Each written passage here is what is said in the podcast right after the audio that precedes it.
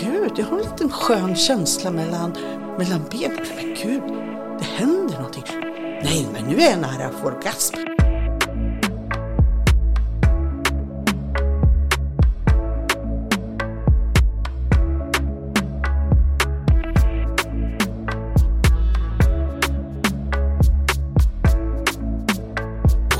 Välkommen till Sex som trans. Jag heter Mandy Rich och ja, den här podden är så otroligt spännande och utmanande för mig själv. För jag får verkligen lära mig om allting. Och idag så tänkte jag att vi ska prata lite om kroppspositivitet, skam, tabu och onani. Och jag har en otroligt spännande gäst, en sexolog som heter Susanne Larsdotter. Välkommen! Tack så hemskt mycket. Hur mår du? Jo, jag mår bra. Det är spännande att få vara här tycker jag. Ja, det är otroligt spännande att ha dig här.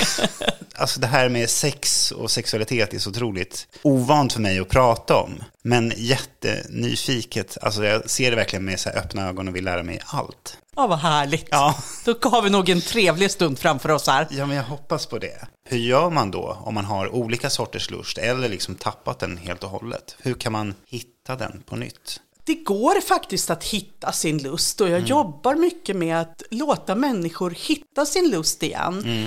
Eh, och det kan man ju göra på lite olika sätt, men det viktigaste är ju att faktiskt lägga ner ett arbete på det här. Det är ju oftast ingenting som dimper ner liksom Nej. så här bara i en. Men jag kan tänka mig också att just vardagen och livet kan komma emellan just ens lust. Att det är hektiskt på jobbet, man kanske har barn eller du vet. Ja, men det var inte så länge sedan som det satt ett par eh, på min mottagning. Och när vi tittade på deras veckoschema så, så liksom suckade jag så här spontant. För jag sa bara så och när hade ni tänkt att ska ha tid att ligga då? Ja, jag fattar. Eh, Det är liksom, barnen hade aktiviteter, de hade aktiviteter, båda var i karriären med sina jobb.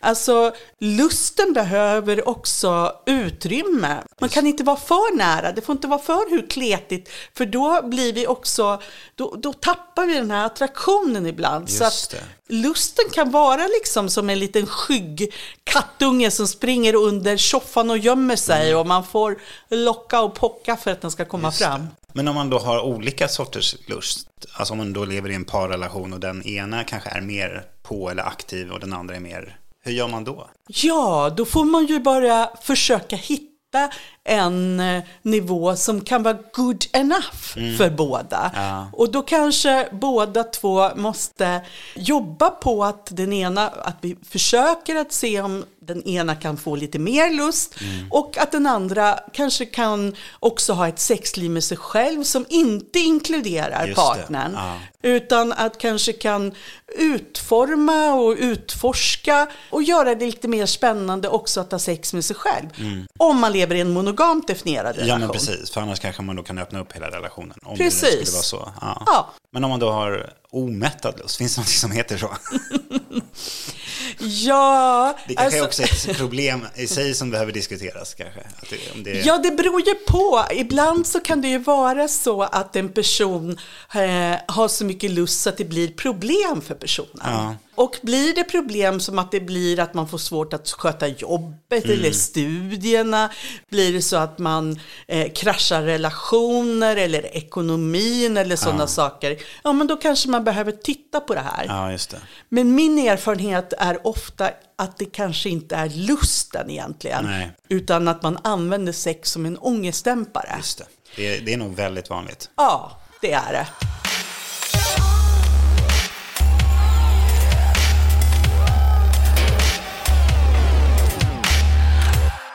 Men hur kan vi skapa mer så här kroppspositivitet då? För man kan ju också ha en skam för sin kropp, hur den ser ut och vilka former man har eller liksom det är inte tillräckligt, det ser inte ut på ett visst sätt. Och det enda vi ser i reklam är ju perfekta kroppar och liksom ideal som är helt ouppnåeliga. Ja men exakt, och det är det man får försöka att komma ihåg, att man ofta jämför sig med ideal som faktiskt inte existerar. De flesta bilder är retuscherade, de är behandlade på olika sätt, olika sätt och vis. Så det som vi har som jämförelseram, det existerar egentligen inte i verkligheten heller. Precis. Och jag tror att vi måste sträva efter att se en mångfald. Ibland tänker jag att Om man orkar gå på en simhall så kan det vara väldigt befriande.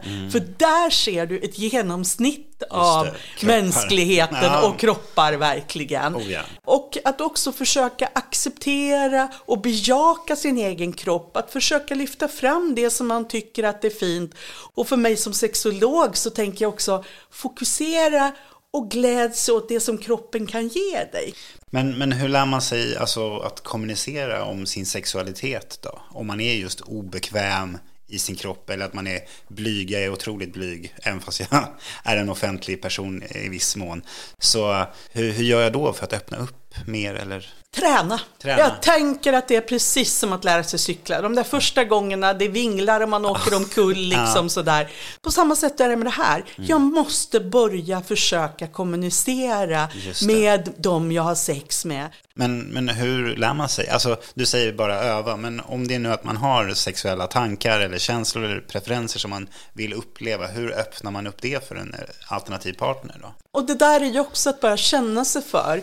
Ibland kan jag tänka att eh, man kan ta något tillfälle akt, det kanske är något på tv, man kanske ser en film, man Mm. läser någonting i en tidning. Titta här, i den här tidningen pratar de om eh, BDSM. Har du funderat på det någon gång? Jag läste här Mm. och så kan vi börja prata om det så det inte blir så känsligt att jag säger att jag skulle vilja ha det här. Utan vi börjar, man tar det lite grann utifrån. För att någonstans se reaktionen, eller? Exakt, sondera terrängen lite grann. Mm, just Hur, hur landar det här liksom? Och sen så kanske man kan börja ett samtal om det där och så kan man fortsätta. Du, det här vi pratade om förra veckan, jag har funderat på det. Mm. Skulle du vilja prova eller gå en kurs eller ja, det. sådär. Det, det låter ju så enkelt. På ett sätt så är det ju enkelt Ja, och på exakt. ett sätt så är det ju skitsvårt. Ja, det, det som är svårt är kanske ens egna gränser att nå, alltså, eller Ja, kliva över dem. Eller liksom. våga vara lite sårbar och berätta Precis. om vad jag vill ha eller ta upp någonting som Ja, men jag kan tycka att det här är lite svårt att prata om och så ska jag ändå börja prata om det här. Ta upp det när du är ute och promenerar. Då Oh. slipper du titta på Så människan. Då går man rakt fram och tittar framåt. Då kan man få vara lite röd om Ja, kinderna och sådär. tempo också. Ja, men precis. Och då tänker jag så här, som steget vidare, om man då känner att man har sexuella känslor för personer kanske som är utanför sin relation, hur öppnar man upp det då för en partner? Ja, Om man ser någon på stan, vad shit, den där människan var otroligt vacker och den kanske jag skulle ha velat göra något med eller liksom precis. umgås med. Och det där är så intressant hur man har det i olika relationer också. För vissa har ju i, också i monogama relationer att man kan eh, sitta och säga att den där tyckte jag var snygg, den där är läcker. Och att man kan få ha det tillsammans. Andra så nämner man inte ens det här. Men när man ska börja fundera på om man vill öppna upp relationen så är det ju också där. Man måste börja någonstans och prata om det. Och det är klart att det är ganska tufft om personen bara säger nej, över min döda kropp. Ja, det gör jag aldrig. Då får man ju också fundera hur viktig är den här relationen? Är det viktigare för mig att faktiskt få en sexuell relation till flera? Eller är det viktigare att vara kvar i den här relationen? Men många gånger så kommer man ju inte framåt utan en förhandling. Nej, så är det. Det är väl ge och ta i allt också. Ja, Alltså, och vi kanske kan börja prata om det här. Och, eh, även om den första reaktionen är bara nej, så kanske personen också får, behöver ha lite tid att fundera. Och Ja. vissa vill inte. och sen hänger det så mycket på tillit och, och ha en bra, rela- alltså djup relation där man också pratar om allt. Ja, det Det är där- verkligen ett av fundamenten. Så att det inte finns svartsjuka och liksom allt sånt. Alltså, Ja, fast det är svårt att förhandla bort svartsjuka. Nej, jag tänker mest, tänker mest att vi behöver också kunna prata om svartsjukan. Mm. Och prata om att nu känner jag svartsjuka och hur ska vi hjälpas åt för att hantera den här situationen. Sidospår här så tänker jag, när du ändå säger att du håller på med just pratar om sexuella problem. Om man då har sexuella problem i ett sjukdomstillstånd eller ett medicinskt, att det också komplicerar kanske ens sexuella drift eller liksom, Absolut, och det där är ju så tråkigt ibland för sjukvården är ju inte alla gånger så himla duktiga på det här. Nej. Många gånger så tar eh, läkare och sjuksköterskor inte upp det här. Man kanske får en ny medicin, antidepressiva till exempel. Påverkar ofta lust och även orgasmförmåga. Nämns nästan aldrig från läkare. nej. Men många gånger så handlar det ju också om att hitta vägar förbi det här. Jag jobbar mycket med äldre och sexualitet.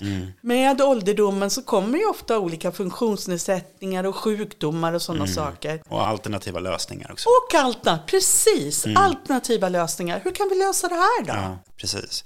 Nej, för jag upplever ju själv, alltså, i och med min transbakgrund så går jag ju på vet du, östrogen, hormoner, som i sin tur långsiktigt kommer leda till impotens. Men det är ju en, ett ställningstagande till att hur viktigt är det då för mig att ha alltså erektion? Eller liksom, ska jag låta bli östrogen helt och hållet bara för att kunna upprätthålla? Så, Precis. så det är så mycket jag brottas med emotionellt kring mitt mående och kring min just sexualitet just på grund av hormonerna. Ja, och det där är ju jätteviktiga frågeställningar också.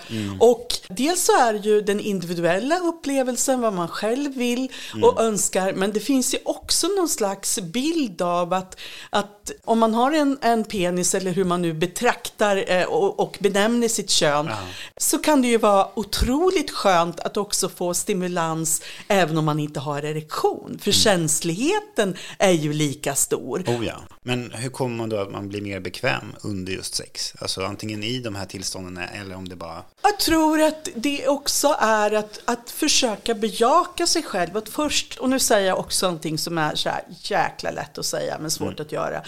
Acceptera att den kropp man har, att också prata eh, positivt till sig själv. Att erotisera och också se sig själv som wow, titta mig själv i spegeln när jag står där naken. Mm, du är ändå lite sexig. Att, att prata med sig själv och försöka se sig själv som en sexig person.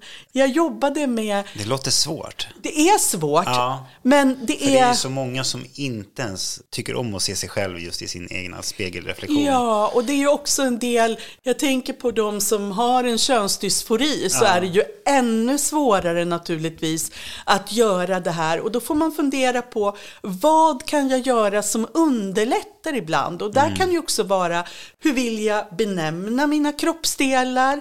Eh, Hur vill jag att en eventuell partner pratar till mig och Ja, benämner min kropp? Väldigt många grupper har ju svårt med sin kropp och man har olika issues. Till exempel när man ska träffa en ny sexpartner. Jag jobbar mycket med personer som lever med HIV.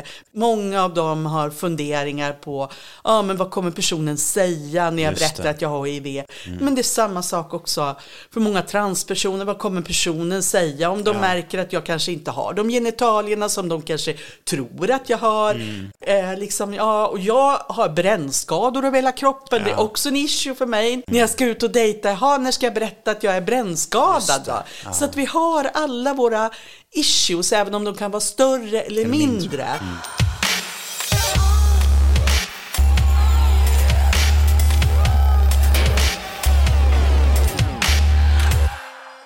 Hej alla lyssnare. Ledsen att vi stör så här halvvägs in i avsnittet. Men vi är stolta över att presentera vår samarbetspartner lastbryggan.se. Den nya destinationen för leksaker online. Så gå in på lastbryggan.se och använd rabattkoden sexomtrans. Ja, nu har vi fått ännu ett paket. Ja, och vi har tagit fram hushållspapper här. Ja, för att vi har fått två olika glidmedel. Det första heter Fistit. Och, och i och med att titeln Fistit så tänker jag mig spontant att det borde vara använda för fistlekar. Precis, det står också att det är kompatibelt med eh, handskar och eh, kondomer. Oj, vad slimigt det ser ut att vara. Ja, alltså när du stoppar ner fingret och drar upp det så blir det som en sprängel. Det då? Ja, men alltså det blir ju verkligen en hinna. Alltså den känns ju tjockare än ett glid. Alltså det blir som du säger en hinna som lägger sig ovanpå. Ja, alltså nu smorde jag in lite här i början när vi började prata och det har fortfarande inte torkat liksom. Nej. Nej, men för jag vill se om det blir så här grynigt som vissa kan bli. Så. Ja, precis. Och det andra glidet. Ja, det är en sån pumpflaska då istället. Silikonbaserat glidmedel står det bara. Det är lastbryggans egen. Nej, men jag gillar faktiskt den här typen av förpackning bättre. Det blir inte riktigt lika kladdigt. Nej, jag håller med rent spontant. Alltså, jag förstår syftet om det är just lite grövre lekar där man behöver mycket slime eller glid. Ja, liksom. ner och doppa liksom. Ja, verkligen. Men det känns ju som den generella silikonbaserade. Det är ju skillnad. Det blir liksom lite halare på ett sätt. Kan jag uppleva med silikonet just. Mm. Ja. Alltså den här silikonen slutar inte vara glidig även om jag har torkat nu. Jag vet. Alltså jag har torkat av mina händer. Men jag är fortfarande hal. Ja, det, jag, så jag glider ju runt här. Vi Ja. kommer ju glida runt i studion. Ja, alltså det här går ju inte. Så den tycker jag man ska gå in och klicka in. Använd rabattkoden sexomtrans så får ni 20% rabatt oavsett vad ni köper.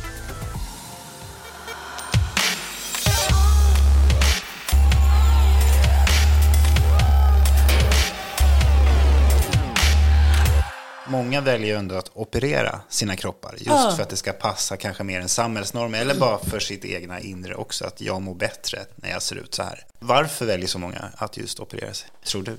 Ja, jag tror att, att de flesta som genomgår någon form av kirurgiska ingrepp gör ju det för att de hoppas och tror att de ska må bättre efter ingreppen. Och många gör det, men alla gör ju inte det. Och som vi vet så en del som gör estetiska operationer som man bekostar själv kan ju också bli till en spiral där man tänker att nu ska, jag ska bara göra det här och sen ska jag göra det här och sen ska jag göra det här.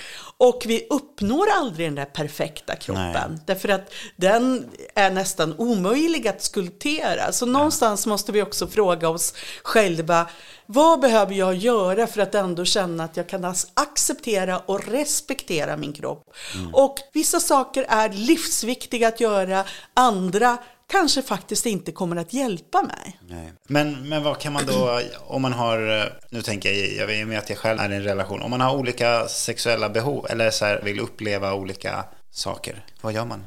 Nej, och där tänker jag också så här, utforska alternativ på något sätt. Är det så att någon till exempel har mycket mer lust och den andra inte har lika mycket lust, den som har mer lust, kan den till exempel onanera och den som har mindre lust, är det okej för den att ligga bredvid och kanske viska någonting i örat, lägga en hand över brösten eller armen eller någonting.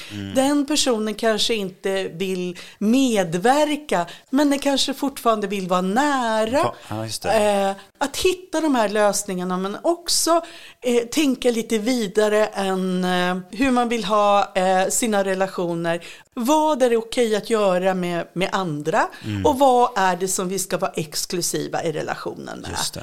Eh, för det kan ju också, någon kanske har ett intresse av BDSM Mm. och den andra känner det där är inte intressant för mig. Vad är det då okej för mig att leva ut inom BDSM med andra? Mm. Och vad, vad skulle du känna dig bekväm med att jag gjorde? Mm. Vad skulle du inte känna dig bekväm med att jag gjorde? Att hela tiden lyfta och förhandla och prata om våra önskningar. Mm. Men det är ju många gånger lite svårt, för först måste jag våga se mina egen längtan, mina egna Just det. Mm. önskningar. Vad drömmer jag om sexuellt? Så måste jag också våga säga ut de här och Mm. stå för de här sakerna som jag längtar efter och vill. Ja. Men om man då har alltså, starka fetischer eller liksom så grova som kanske är samhällsmässigt också en diskussion. Alltså vi säger att man nu skulle gilla rape play så kanske det är också en sak man inte vågar lyfta för att man vet hur en samhällspåtryckning tycker och tänker kring det. Exakt. Om vi då tar exemplet rape play. Det är ju inte någonting som ofta skadar en själv eller någon annan utan det är ju en överenskommen lek som vi eh, agerar ut i en, en liksom där vi har gjort en ram som är trygg. Sen kan det liksom hända ganska mycket inom Om den här ramen. Precis. Och då tänker jag också att det är viktigt om vi då ska börja introducera det här för någon annan som inte känner, att vi också kan förklara att nej men det här är, handlar inte om att vi ska göra illa någon, utan alla som deltar i den här leken får ju någon form av njutning Nej, och precis. eh, glädje av det här. Och det här är ju så himla svårt Ja, för det så är många. jättesvårt. Ja. För att ju, är man då i ett klassrum eller i en konferenslokal så kanske är någon som sitter där längst bak och känner men det där nej, just det. Det vågar jag inte säga, för nu nej. såg jag reaktionen kring gruppen och det här Exakt. får man inte tycka om. Det där får man inte tycka om. Nej. Rape play eller age play är mm. också sådär som ja, många som kommer om. Eh, som tycker att det är tabu och det är jobbigt och det är svårt. Det blir ju det också att, att samhällets normer påverkar ju oss som individer och mm. ibland så internaliserar vi ju den här fobin i oss själva och då är det viktigt att man får hjälp att faktiskt bena ut, ja men det här är ju någonting som jag njuter av, ja. det här är någonting som jag gör med hänsyn till risktagande mm. och med alla samtycke, ja. ja. men då måste det ju vara okej. Okay. Absolut. Jag kommer nog ha ett avsnitt där jag pratar om just rape play, så att då vill jag också varna för att det kommer vara känsligt innehåll, men vi ska också grotta även i det tänker jag. Så att har ni frågor kring det eller bara allmänt eh, tips på gäster eller samtalsämnen så skriv till sexomtrans@gmail.com.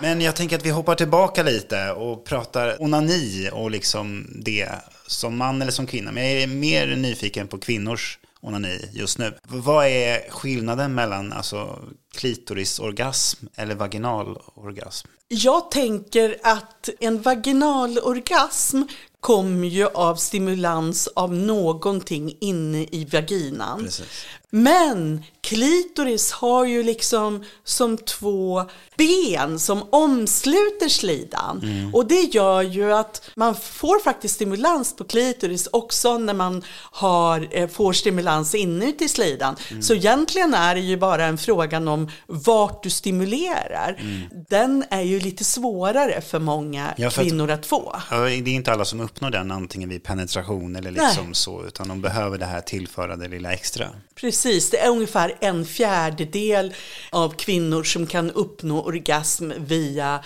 eh, omslutande sex eller penetrationssex. Mm. De andra måste ha en stimulans på klitoris. Finns det tekniker som kanske kan underlätta för att få en vaginalorgasm då? Eller, eller är det bara anatomin som säger att det inte går? Ja, det är det ju. Om man gillar omslutande sex och njuter och tycker det är skönt. Men det är inte tillräckligt för att man ska få orgasm. Mm. Ja men herregud, använd fingrarna, ja. använd en vibrator, gör någonting samtidigt. Mm. För att, att få det allt det goda på en gång. Ja. Men finns det någon genomsnittlig tid för hur lång tid? Alltså antingen att det tar att få en orgasm och hur långt också den orgasmen varar. Ja, Alltså, man har gjort studier i labbmiljö mm. och där har man sett att när både kvinnor och män onanerar så tar det i genomsnitt fyra minuter mm. att få orgasm. Och då ska vi prata om att det är medeltal. Det ja. innebär alltså att det går fortare för vissa och det tar längre tid för vissa. Mm. Men det som är spännande det är att oavsett vilka könsorgan du har så tar det ungefär lika lång tid. Men sen kan man ju få olika former av orgasmer. Vissa mm. orgasmer orgasmer känns ju som, ja men det är som en jättevåg som bara sväller över en och så kommer det massa små vågrörelser efteråt. Mm. Fast det är mer liksom en eh, reaktion efter den första. Men man, ah. man, liksom, man kan ligga där som i en eh, nästan lite transtillstånd mm. för att det eh, har verkligen överväldigat så. Mm. Och vissa orgasmer känns som en, en lite så nysning liksom. Tju! Ja. Och så var det över. Ja. Och den här orgasmen tänker jag, den kan man säkert uppnå alltså, via andra erogena zoner, bara inte genitalierna heller. Jag tänker om Precis. man kanske kan röra öron eller skalp eller liksom. Ja, det går alldeles utmärkt att få orgasm på väldigt många olika sätt. En ja. av mina favoriter, det är ju coregasm. Mm. Det vill säga att när du tränar, ja det kan man inte tro när man ser på mig, men, men det är väl bara det, det eh, den delen av träningen som jag riktigt gillar. Men alltså det är ju jättespännande att mm. vissa rörelser kan också ge oss orgasm och det där är ju, det är så himla spännande. För mm. i mitten på 80-talet så tränade jag på World Class Gym oh, ja. i Eskilstuna. Mm. Jag stod i den här uh, kaptenstolen, det vill säga den här, man går in och sen har man en halvcirkel runt sig och sen håller man händerna på två handtag och så gör man benlyft liksom mm så att man mhm. ja. lyfter benen rakt upp. Jag och jag gjorde den där och sen bara, men gud, jag har en liten skön känsla mellan, mellan benen. Men gud, det händer någonting. Nej, men nu är jag nära att få orgasm. Gud, nu kommer jag liksom så här. Och då är det så fördelen att vara på gym, Vad för då alla bara så här, oh, oh, oh. Det är det, det är, ändå en stor... Ja, folk bara det är bara en, orga. Ja. en stor orgie där. Eh, så att, Jag måste börja träna magen känner jag. Ja. ja men precis, och det finns faktiskt så här, lite så här övningar man kan göra på en pilatesboll och så här, man behöver inte sticka till gymmet utan det finns alla övningar. Jo men Ja. alltså bara genom att knipa kan vi ju knipa oss till en orgasm. Mm. Men det finns ju till och med de som bara via sina tankar och fantasier också kan uppnå orgasm. Ja, det tycker jag är spännande. Hur man nu lyckas uppnå. Det har jag inte lyckats Nej, med. Men jag har inte in- riktigt haft det tålamodet heller. Att, Nej, och det är kanske det det hänger på. Nej, Ja, det- inte jag heller faktiskt. Nej. Och just apropå lite tycka om och inte tycka om och orgasm. Fontänorgasm Mm. är ju inte en orgasm i sig utan det är en reaktion antingen innan, efter eller under. Vad Precis. Jag. Men den kan ju folk också ha lite alltså, skamkänsla för. Det känns obehagligt. jag- jag, ja. vill inte kissa på mig här. Eller Nej, lite så. precis. Eh, och det är ju fontänorgasm eller- kvinnlig uretral ejakulation som det heter Fina på det här ord. fina Ja. språket. Ja. Det är ju jättespännande. Det finns en forsk ja. forskare som heter Jessica Poffs Mm. som forskar på det här och hon kommer hålla på att skriva en bok om det här också. Jättespännande. Hon är nog den, en av dem i Sverige som kan mest om det här. Vissa verkligen upplever det som om en går orgasm. Det är en jättehäftig känsla. Det är, det är verkligen någonting som jag verkligen njuter av. Och Mm. andra känner, ah, vad fan, det har varit lite varmt och så vart det bara vått och det har varit jobbigt i sängen. Liksom. Och vissa skäms jättemycket över det för att man tänker att nej, men nu kissar jag på mig. Och, nej, åh vad pinsamt, det har varit en jättestor blöt fläck här. Ja, på precis. lakanet och sådär. Eh, Ja, men också lite den här, också en samhällsmässig konstruktion att det är kukbärare som ska spruta och inte Exakt. kvinnor.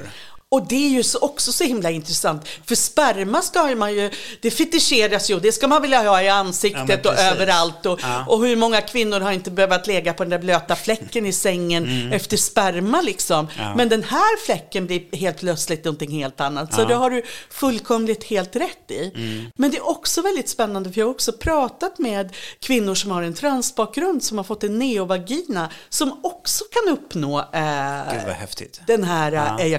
Ejakulationen. Ja, det är åter, vi, vi kommer ju landa där vi började, alltså det är kommunikation. Ja. Vad vill jag? Vad vill jag? Eller vad vill vi? Och, Och vad vill vi? Och vad önskar jag? Vad önskar du? Hur ska vi kunna hitta ett bra samspel här? Mm. Och det kanske inte är så att vi alltid faktiskt är sugna på en trerätters. Nej. Vi kanske vill ha sju smårätter istället. Ja, det låter trevligt när du Ja. blir lite hungrig.